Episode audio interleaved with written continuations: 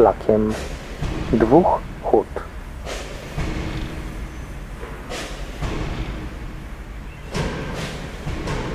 Znajdujemy się w miejscu, w którym kończyły się zabudowania przedwojennych Wielkich Hajduk.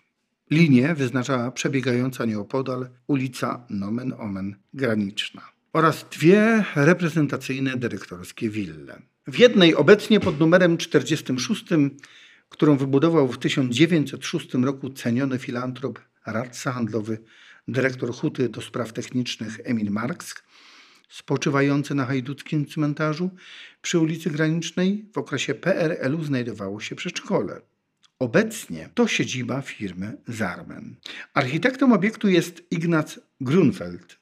Willa oraz jej otoczenie zostały odnowione w sposób, który w pełni prezentuje jej pierwotne założenia. Dawny dom ogrodnika, dziś to garaż. Na szczególną uwagę zasługuje secesyjny witraż ze szkła mąconego firmy Tiffany'ego autorstwa Richarda Sheina Zitał. Znajdujący się między piętrami tego wyjątkowego, pełnego urody obiektu. W drugiej, pod numerem 35, wybudowanej w 1916 roku, znajduje się obecnie hotel Gorczowski.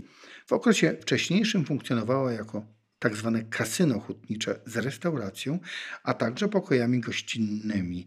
Mieszkali w nich między innymi zatrudnieni w hucie inżynierowie oczekujący na swoje mieszkania, goście huty, a także na przykład siatkarki ze znajdującego się pod opieką huty klubu Ruch.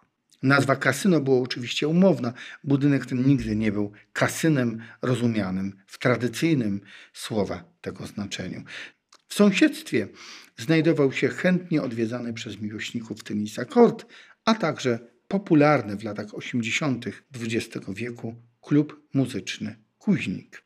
To, co widzimy na południu od linii ulicy Granicznej, to już zabudowa zrealizowana po II wojnie światowej. Naprzeciwko obiekty dawnej szkoły zawodowej Huty Batory powstała w ramach PRL-owskiego programu obchodu tysiąclecia państwa polskiego zgodnie z propagandowym hasłem Tysiąc szkół na tysiąclecie.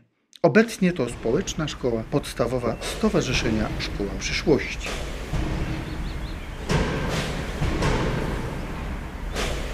Po przeciwległej stronie widoczne osiedle tak zwane stare z lat 50. XX wieku. Pierwsze wybudowane w Chorzowie Batorym po II wojnie światowej. Naprzeciwko osiedle nazwane onegdaj 25-lecia PRL-u. Dalej w kierunku południowym nieco młodsze nazwane 30-lecia PRL-u oraz po drugiej stronie ulicy domki jednorodzinne, za którymi znajdowała się m.in. tlenownia Huty Batory. Za tą linią kończy się zabudowa Chorzowa. Rozciągają się tereny dawnego Niedźwiedzińca i bezpośredni dojazd do autostrady. Rozwój Hajduk spowodowany był wzrastającym znaczeniem znajdujących się tutaj zakładów przemysłowych, przede wszystkim huty i zakładów koksochemicznych. W każdym okresie ich funkcjonowania troską dyrekcji było zapewnienie pracownikom lokum. I tak w centralnej części osiedla Starego powstał hotel robotniczy funkcjonujący w okresie PRL-u. Mieszkali tam zarówno ci, którzy oczekiwali na swoje nowe mieszkanie, jak i ci, którzy po prostu nie mieli gdzie zamieszkać, a w hucie pracowali. Czasami społeczność ta tworzyła doprawdy wybuchową mieszankę. W jednym ze skrzydeł, tym spokojniejszym, lokowano rodziny z małymi dziećmi by odizolować od bardziej głośnej części mieszkańców. O tym, jak istotnym było funkcjonowanie takich miejsc, świadczy historia jednego z kierowników hotelu robotniczego, Krzysztofa Jastrzębskiego, który przez Chorzów przejeżdżał pociągiem jadąc na wakacje, ale na stacji zobaczył tablicę informacyjną o przyjęciach do pracy właśnie w Hucie Batory. Wysiadł i na wiele lat pozostał.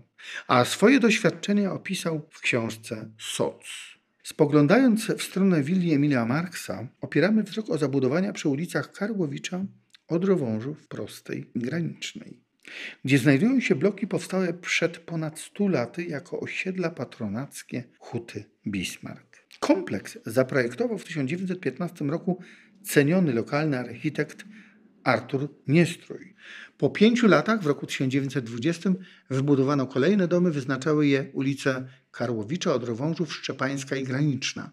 Realizował projekt z woli kierownictwa Huty Artur Jung. Ten sam, który zaprojektował jedną już ze wspomnianych wcześniej dyrektorskich willi, czyli dzisiejszy hotel Gorczowski. Mieszkania w obu blokach założonych na rzutach podkowy były duże i funkcjonalne, składały się z dwóch pokojów, kuchni i przedpokoju. Posiadały ponadto ubikację, co w przypadku mieszkań przeznaczonych dla robotników świadczyło o wysokim w istocie standardzie. Bardzo interesująca jest zewnętrzna forma obiektów. Poszczególne sekcje różnią się bogatymi i ciekawie zaprojektowanymi detalami. Spójrzmy jeszcze w stronę północną, czyli na ulicę Racjonalizatorów z gustowną architekturą. Zamieszkiwali tutaj wyżsi rangą urzędnicy huty.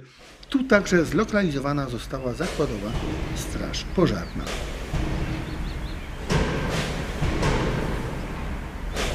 Skierujmy jeszcze wzrok w stronę osiedla 25-lecia PRL, czyli obecnej ulicy księcia Józefa Czempiera oraz ulicy Jubileuszowej. Zwróćmy uwagę na tą drugą nazwę, bo chociaż nawiązuje oczywiście do 25-lecia PRL-u, nie wskazuje jednak konkretnego wspomnienia, zatem pozostaje neutralną, tym samym nie było powodów, by ją zmieniać. I tam właśnie, między ulicą Jubileuszową a Czempiela, znajduje się jeden z najbardziej intrygujących pomników w mieście. To rzeźba autorstwa Tomasza Węglera Dłoń, upamiętniająca więźniów w chwili obozu koncentracyjnego KL Auschwitz-Birkenau, która została uruchomiona jesienią w 1944 roku funkcjonowała do początku w roku 1945. Jeden z baraków obozu zachował się aż do lat 60. XX wieku i mieszkał w nim m.in. dawny więzień obozu. Barak wyburzono, kiedy powstawało osiedle.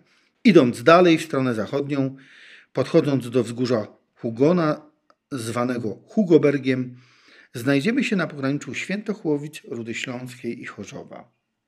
Na Hugobergu postawiono onegdaj hangar dla szybowców. Hajduckie dzieci w latach II wojny światowej przychodziły tu chętnie, zaciekawione uruchamianiem szybowców. Pociągały zapasy, nadając stosowne tempo szybowcom i patrzyły, jak te wznoszą się w niebo. Kierując się w stronę północną, mijamy miejsce, w którym znajdowała się jedna z bram Huty Batory i docieramy do kościoła w niebo wzięcia Najświętszej Maryi Panny. To pierwsza z wybudowanych w Fajdukach świątyń w latach 1898-1901. Podobnie jak w przypadku Huty Królewskiej, tak i tutaj pierwsi dyrektorzy zakładu zdawali sobie sprawę, że dla dobrego funkcjonowania huty istotnym jest zadbanie o podstawowe potrzeby pracowników. Dostrzegali także te religijne. Historyk i nauczyciel, chorzowianin Roman Herman wspomina.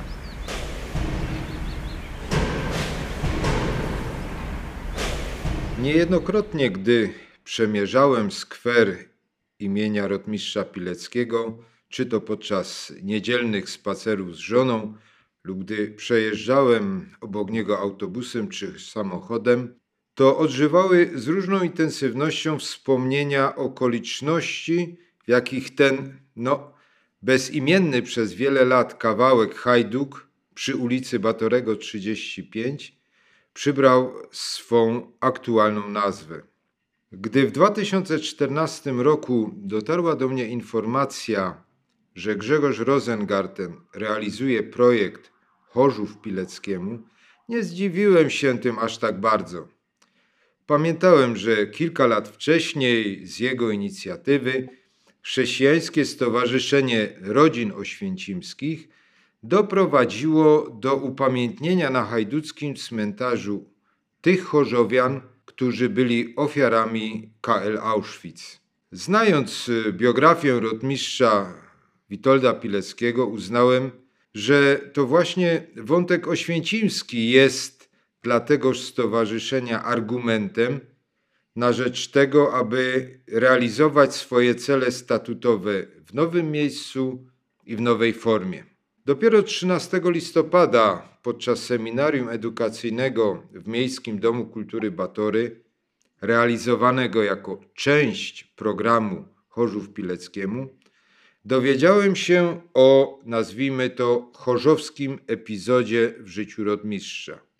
Ten epizod odwiedzin obozowego kolegi, o którym dotąd nie wiedziałem, uradował mnie tak, jak każdego historyka raduje poznanie nowego, udokumentowanego faktu. Jednak z drugiej strony pojawiła się typowa, chyba nie tylko dla historyka, wątpliwość, czy ten drobny epizod w życiu człowieka, którego biografia obfituje w czyny heroiczne, wart jest takiego upamiętnienia. Czy nie jest to przerost formy nad treścią? Czy nie jest to wpychanie jeszcze jednego ogólnopolskiego bohatera do naszej historii lokalnej i tej regionalnej, śląskiej? Z takimi wątpliwościami udałem się na miejsce, gdzie miał nastąpić finał całego projektu. Pamiętam piękną, słoneczną pogodę, mimo że była już połowa listopada. Pamiętam obecność nie tylko władz miejskich, przedstawicieli Instytutu Pamięci Narodowej, Chrześcijańskiego Stowarzyszenia Rodzin Oświęcimskich i Fundacji Adenauera, ale także krzątającego się Grzegorza Rozergantena, który chciał, aby wszystko wypadło jak najlepiej. Pamiętam też uczniów klasy mundurowej z liceum Juliusza Ligonia, poczty sztandarowe, szkół, instytucji. No i pamiętam też honorowaną przez wszystkich postać starszego siwowłosego pana, jak się okazało, syna rotmistrza Andrzeja. Zasadzenie dębu Witold i odsłonięcie tablicy informacyjnej wypadło skromnie i trzeba przyznać godnie, bez sztucznego patosu i zadęcia. Ale nadal miałem wątpliwości. Czy koniecznie tu, czy teraz, czy właśnie tak? Dziś, dziewięć lat po tamtych uroczystościach, obecność skweru rotmistrza Witolda Pileckiego w tym miejscu, w przestrzeni publicznej dzielnicy i miasta, wydaje się już czymś oczywistym. Czymś, co wtedy nie wzbudziło kontrowersji społecznych, nie wzbudza ich także dzisiaj.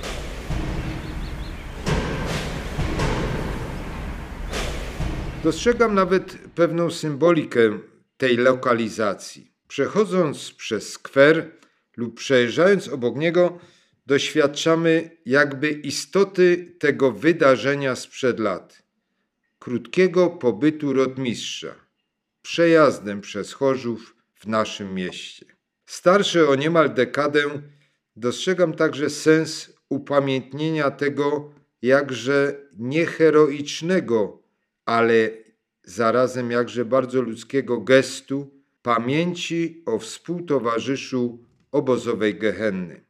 Dziś w czasach tak bardzo niepatetycznych z perspektywy przeciętnego obywatela, może właśnie upamiętnienie tego gestu jest równie ważne dla podtrzymania pamięci o rotmistrzu Witoldzie Pileckim niż jego wiedza o heroicznych dokonaniach czasów wojny i powojennych.